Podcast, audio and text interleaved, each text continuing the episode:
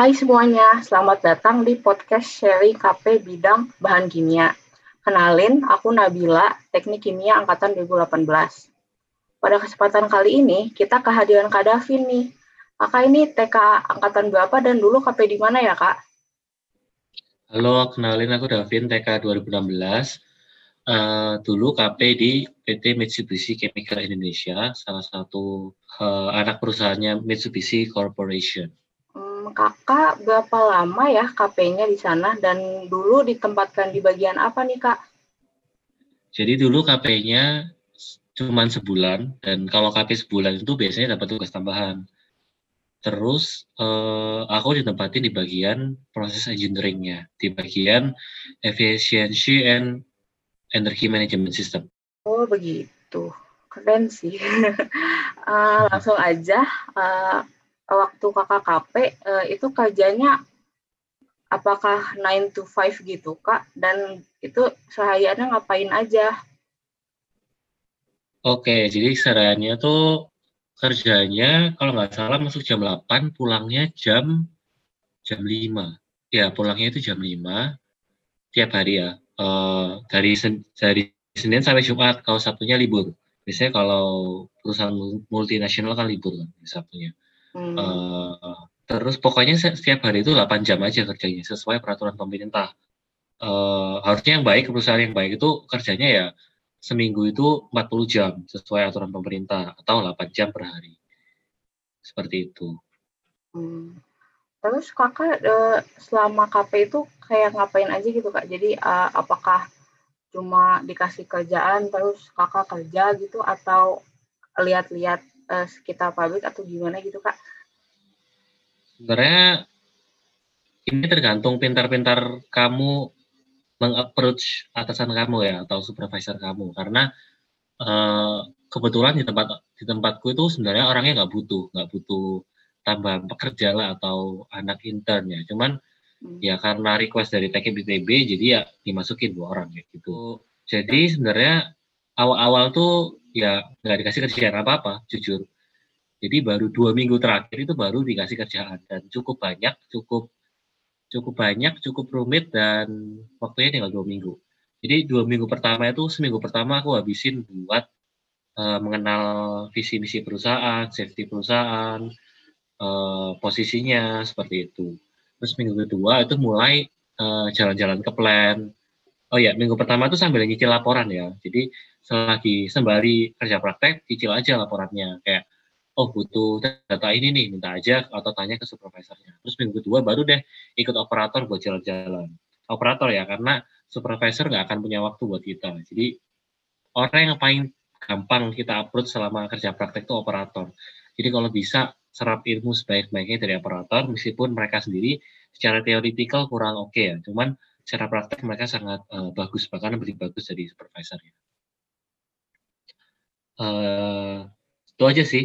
Terus kalau weekend ya sabtu minggu libur kan. Jadi uh, kadang ke tempat ibadah kadang juga jalan-jalan ke tempat wisatanya. Kebetulan aku di Cilegon jadi dekat sama pantai kan. Terus juga bisa nyebrang ke Sumatera kayak gitu. Wah, keren banget tuh bisa sampai ke Sumatera gitu ya, Kak. Terus berarti uh, weekend tuh kan karena harus libur banget, jadi emang benar-benar kosong aja gitu, nggak bakal nggak bakal tiba-tiba weekend dipanggil gitu? Enggak sih, kecuali ada request, ada request dari atasanku ya. Hmm. Cuman ya itu, lagi-lagi atasanku sebenarnya nggak perlu butuh bantuan orang karena ya udah cukup sumber daya manusia itu menghandle. Jadi uh, ya Sabtu dia dia libur dan aku juga libur kayak gitu. Dan kalau weekend ya itu ke pantai, terus pengalaman nyebrang Laut Jawa ke Sumatera. Terus uh, oh ya dua minggu terakhir karena tugasnya baru dikasih dua minggu terakhir, aku buat tugas buat dikebut karena cukup banyak yang harus dikerjakan. Um, untuk tugasnya uh, nggak bisa diceritain gitu kak apa tugasnya? Kalau tugasnya jadi tugasnya itu tentang energi efisiensi atau heat integration lah. Jadi aku aku melakukan studi kelayakan atau propose suatu suatu energi efisiensi dalam sistem boilernya dengan cara memanfaatkan jadi jadi kan aku lihat nih kalau ternyata uh, panas buang gas hasil pembakaran gas alamnya itu masih tinggi nih gas buangnya nih. Sayang banget dong bisa dong dimanfaatin buat uh, dibikin economizer buat manasin umpan boiler water sehingga energi yang dibutuhkan buat membangkitkan steam itu lebih rendah. Jadi intinya ya pertama karena ini suatu aku mempropos suatu uh, hal baru otomatis aku harus buat studi kelayakannya. Kalau aku implementasikan economizer ini apakah akan terjadi uh, kegagalan pada sistemnya? Entah itu pompanya gravitasi lah entah itu flue gasnya uh, back pressure lah kayak gitu-gitu. Nah setelah setelah di approve oh oke okay nih ternyata bisa nih. Baru deh kita mulai ngerancang alatnya desainnya gimana mau diletakinnya sebelah mana. Bahkan sampai aku turun ke lapangan buat mengukur panjang pipanya karena emang di distributed control system atau di DCS-nya itu kan nggak ada kayak panjang pipanya berapa. Cuma ada kondisi operasi P dan P-nya doang paling gitu aja. Jadi ya seru sih uh, bisa hands on langsung ke lapangan bisa langsung uh, praktek juga uh, teori rancang HI semester 4 kayak gitu.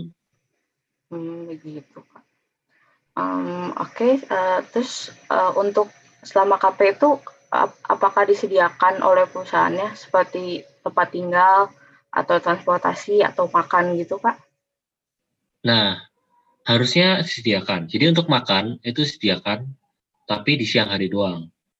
Jadi pagi dan malam mereka nggak cover, tapi mereka ngasih uh, bukan gaji sih tepatnya, karena uh, ujung-ujungnya ya sebenarnya aku nggak bisa dihitung kerja sih di situ, cuman ya internship, cuman membantu gitu loh kayak membantu supervisor atau orang-orang di sana. Jadi uh, ibaratnya itu uang saku bukan gaji untuk makan pagi siang dan juga uh, untuk transport. Nah, untuk mes itu harusnya dikasih, tapi karena di sendiri, karena kita dipilihin, jadi ada beberapa kasus kalau kalau anak unit lain itu dapat mes, kita nggak dapat. Karena apa? Karena biasanya ada beberapa perusahaan itu kalau daftar intern atau daftar KP itu harus setahun sebelumnya supaya bisa dapat tempat tinggal di mes perusahaan kayak gitu. Cuman karena di TB ya eh, biasanya didaftarinnya ya mepet-mepet paling empat bulan sebelum, lima bulan sebelum kayak gitu kan. Jadi mesnya udah penuh, jadi nggak dapet.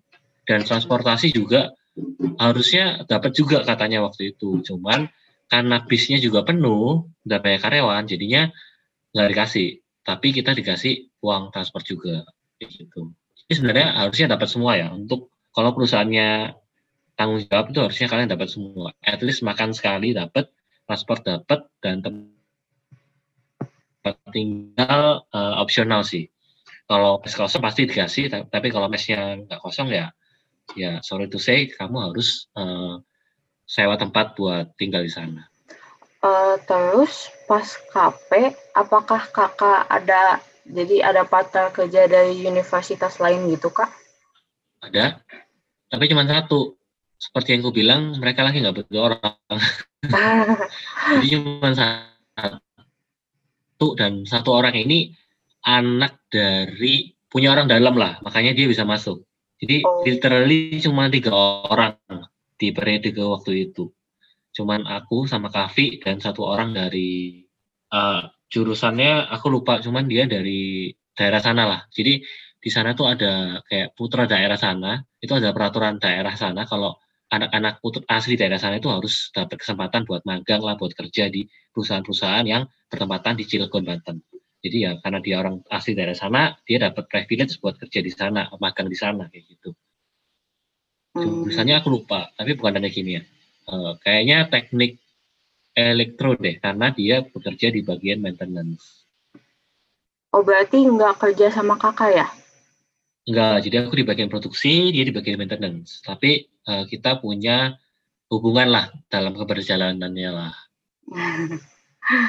Jadi dapat teman baru gitu ya kak? Iya cuma satu. uh, terus uh, selama KP ada nggak sih kak kayak suka dukanya gitu? Uh, suka banyak sih, sukanya sih karena seru kan bisa langsung ngerasain gimana sih uh, suasana kantor dan suasana industri itu gimana suasana pabrik gimana yang selama ini kita cuma mungkin by PFD mungkin tapi kita bisa langsung lihat realnya gitu jadi kayak apa ya kayak ada suatu pride atau kebanggaan tersendiri gitu lah ketika kamu udah nyampe plan dan kamu bisa foto-foto di sana.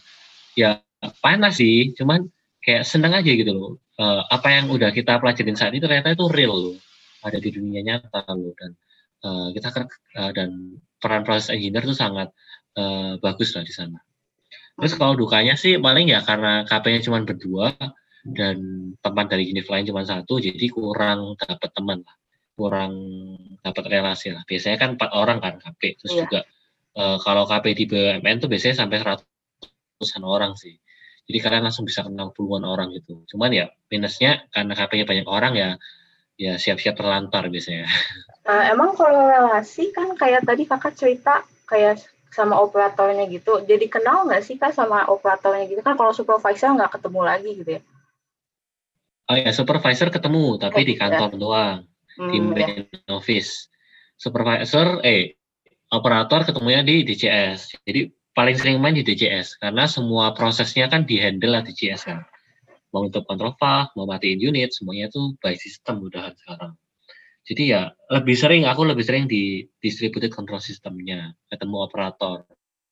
Hmm. Iya sih, jadi banyak ketemu operator karena kan operator kan 24 jam dan dibagi yeah. jadi tiga shift Pak. Jadi uh, dari shift tertentu itu beda orangnya. Jadi kita juga kenal gitu.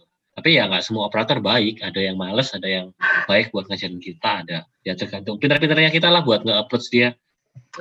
Oke, terus uh, ada nggak sih kak selama KP kayak ada cerita unik gitu?